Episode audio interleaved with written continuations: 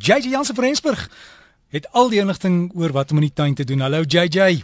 Môre môre Derek, hoe gaan dit vandag?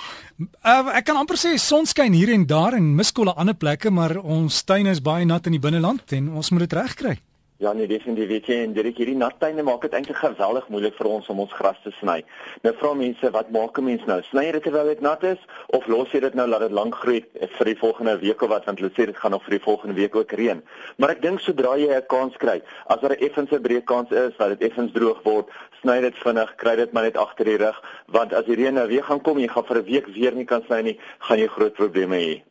JJ iemand in die Mosselbaai omgewing sê hulle wil hulle grasperk groen kry, 'n bietjie kunsmis gooi hierdie tyd van die jaar, wat kan hulle opsit? Weet jy Derek, as dit nou bevoel daar langs die kus is waar dit nie so vinnig so verskriklik koud word nie. So ek sê kan 'n mens nou nog iets soos 'n 713 gooi. As jy in 'n warmer area bly wat nie so vinnig vroeg in die jaar ryp gaan kry nie, dan kan jy nou nog 'n 713 gooi. Maar as jy in 'n koeler area bly wat vinnig gaan koud word, gebruik eerder 'n 315. En ek weet in die combat reeks is daar ook 'n organiese 315 wat baie goed werk want dit is ook lekker stadig vrystellend. JJ en Kersfees of wel die Kersrose, wat wat noem jy dit? Dis die uh Dit is die Kersrose of die hydrangeas in Engels, hortensias soos hulle noem in Hollands. Goed, die hortensias, wanneer kan ek hulle sny?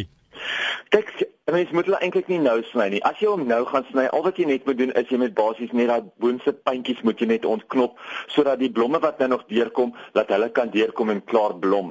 Maar as jy hom goed wil terugsny, wag eers tot in die winter, want as jy hom nou gaan terugsny en jy gaan al daai nuwe groei kry en hulle gaan nog nie eens kans om te blom nie, gaan die winter kom en hy gaan hom 'n bietjie brand, hy gaan hom seermaak. So wag maar eers met dit tot in die winter voordat jy hom behoorlik sny, maar as jy hom nou wil bietjie terugsny, sny jy basies net daai laaste 10% van die takkies weg, maar maak seker dat jy nou nie daai blomknoppe wegsny nie, want daar is nog 'n paar blomknoppe wat hier en daar uitkom.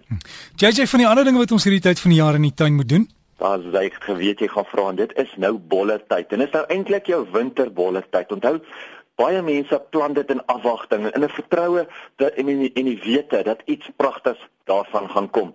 Nou voordat jy 'n bolle koop, kyk eers na wat jou tuin het om te offer. Baie mense gaan gaan winkels toe, koop 'n klompie bolle en gaan soek die oop gate in 'n tuin waarom dit te plant. Nou ongelukkig werk dit glad nie so om nie, want sodra daai bolle nie groei nie, kry of die bol of die winkel of die kweker die skuld. Al het jy dit op die verkeerde plek geplant. So maak doodseker dat jy dit op die regte plek plant. Nou, heel eers van alles, kyk na die hoeveelheid lig in jou tuin. Onthou, meeste bolvariëteite hou van baie lig en ook gedeeltelike direkte son. Onthou ook dat die bladwisselende bome en struike baie meer son in die winter gaan deurlaat. Onthou ek het al gesê dit is winterbolle tyd. Wat beteken ons plant dit nou sodat dit in die winter kan blom. En dan is baie van jou plante mos dormant, baie van die blare het afgeval, so daar is baie meer son wat inkom en ook onthou jou son sit baie laag. Nadat jy gekyk het na die lig, moet jy ook kyk na die tipe grond wat jy in jou tuin het. Ons kry hoofsaaklik 3 tipes grond in Suid-Afrika. Die eerste een is natuurlik kleigrond, tweede een is sandgrond en die derde een is leemgrond. Kleigrond is sekerlik die slegste tipe grond vir bolle omdat dit te veel water terughou en ook te min suurstof het. Onthou saam met al daai water forceer mens eintlik die suurstof uit die grond uit. Sanderige grond kan jy altyd met kompos meng sodat dit meer water kan terughou en ook dat die dat dit die grond 'n baie beter struktuur gee vir bolle. En as jy mens die kleigrond en die sandgrond met mekaar vergelyk, is jou sandgrond baie beter want jy kan hom eintlik beter maak. Jy kan hom verryk. Die beste een is natuurlik die leemgrond. Omdat 'n mens jou jou grond het nog steeds genoeg beligting in dit. Dit het redelik organiese materiaal in dit, maar jy kan nog steeds kompos bywerk vir organiese materiaal sodat dit vir jou bolle meer water kan terughou, maar nie te veel dat dit te nat gaan wees nie. As daar nou een tipe plant is wat 'n deklaag soek, is dit jou bolplante nie net omdat dit daai water terughou nie, maar ook omdat jou bolle self koel hou. Jy weet baie keer dan kry mense nou op die pakkies van die bolle sê vir jou die plantdiepte. Nou onthou die plantdiepte waarvan hulle praat is eintlik die hoeveelheid grond wat 'n mens bo op die bol moet hê. As jy sê 'n 5 cm plantdiepte, moet jy nie 'n 5 cm gat plant, gat grou en die bol daarin plant dat jy net 2 cm grond bo op hom het nie. Jy moet 5 cm grond bo op hom hê. Maar baie van die bolle word verskriklik oppervlakkig geplant en dit is dan wanneer daai deklaag 'n groot rol speel om seker te maak dat die grond lekker koel cool bly. Onthou die laaste faktor wat mense nou na moet kyk is die benatting van jou bolle. Gelukkig hoef 'n mens nie bolle elke dag nat te gooi soos in die geval met jou saailinge nie. Bolle hou daarvan om twee keer per week nat te gooi te word want hulle ontwikkel lekker diep wortels. En onthou ook daai bol ondergronds is eintlik iets wat water stoor. So as jy hom nat gooi, dan neem hy water op en hy stoor dit in die bol. Dit is eintlik beter om jou bolle effens droog te hou as wat jy dit te nat hou. Op die oomblik gaan jy nou op die rakke jou anemone kry. Jy kry hulle natuurlik in daai verskriklike pragtige helder donker kleure waar jy daai donker maroon rooi, ehm um, daai wynrooi, jy kry daai donker blou as 'n koningsblou, al die verskillende pragtige kleure.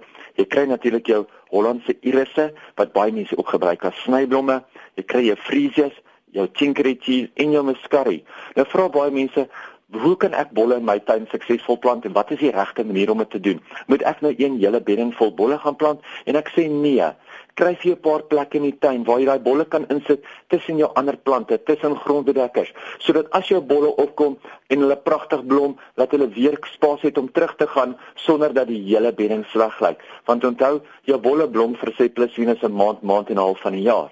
Maar vir daai maand, maand en 'n half van die jaar, maak dit 'n ongelooflike mooi fokuspunt. So, kry jy jou bolle, kry jy nou jou winterbolle plant 'n paar winterbolle. Kry oor 'n rukkie gaan ons gesels oor die lentebolle en jou somerbolle. As jy hulle in jou tuin plant, gaan jy sporadies die hele tyd kleur deur jou tuin kry dwars deur die jaar.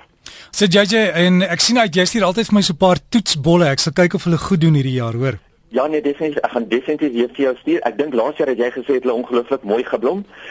Ek sê wat baie mense mee sukkel net vanaf voordat ek gaan is natuurlik ertjies. Baie mense kry nie altyd hulle ertjies gegroei nie en dit is mos nou tyd om jou ertjies te groei in die wintermaande. Maar as jy altyd sukkel met jou ertjies, gaan kry jy 'n pakkie gousblomme, gousblomsaad. 'n Mens noem dit mos in Engels calendulas. Dit is daai groot helder oranje en geel uh, blomme, daai saailinge. Plant dit bietjie saam met jou ertjies. Dan sal jy sien die die gousblomme maak eintlik jou nematodes in die grond dood en dit gee vir jou ertjies kans om baie vinnig uit te groei, baie beter te groei, baie sterker te groei. So ek praat altyd van wat kan 'n mens saam met wat plant? Wat is pasmaats? En gousblomme en ertjies is natuurlik van die beste voorbeelde van pasmaats. En so gepraat van pasmaats, onthou Margaret Roberts het 'n boek uit oor pasmaats, maar hierdie naweek wat nou kom, die 15de Maart, ja, maar 15 Maart, 10:00 die oggend gaan sy weer hier by ons wees hier by Gardenwold en gaan sy gesels oor weefselsoute veral vir kinders en sy gaan ook haar nuwe boek hier aan ons tentoonstel of vrystel hier by ons. So onthou, as jy wil deel wees van daai praatjie, skakel ons kyk op ons Facebook bladsy, kyk op ons webtuiste, alles is daarso en jy kan by ons bespreek. So gesels JJ Jansen van Rensburg van Garden World, hulle webtuiste as jy daar inligting wil kry is gardenworld.co.za.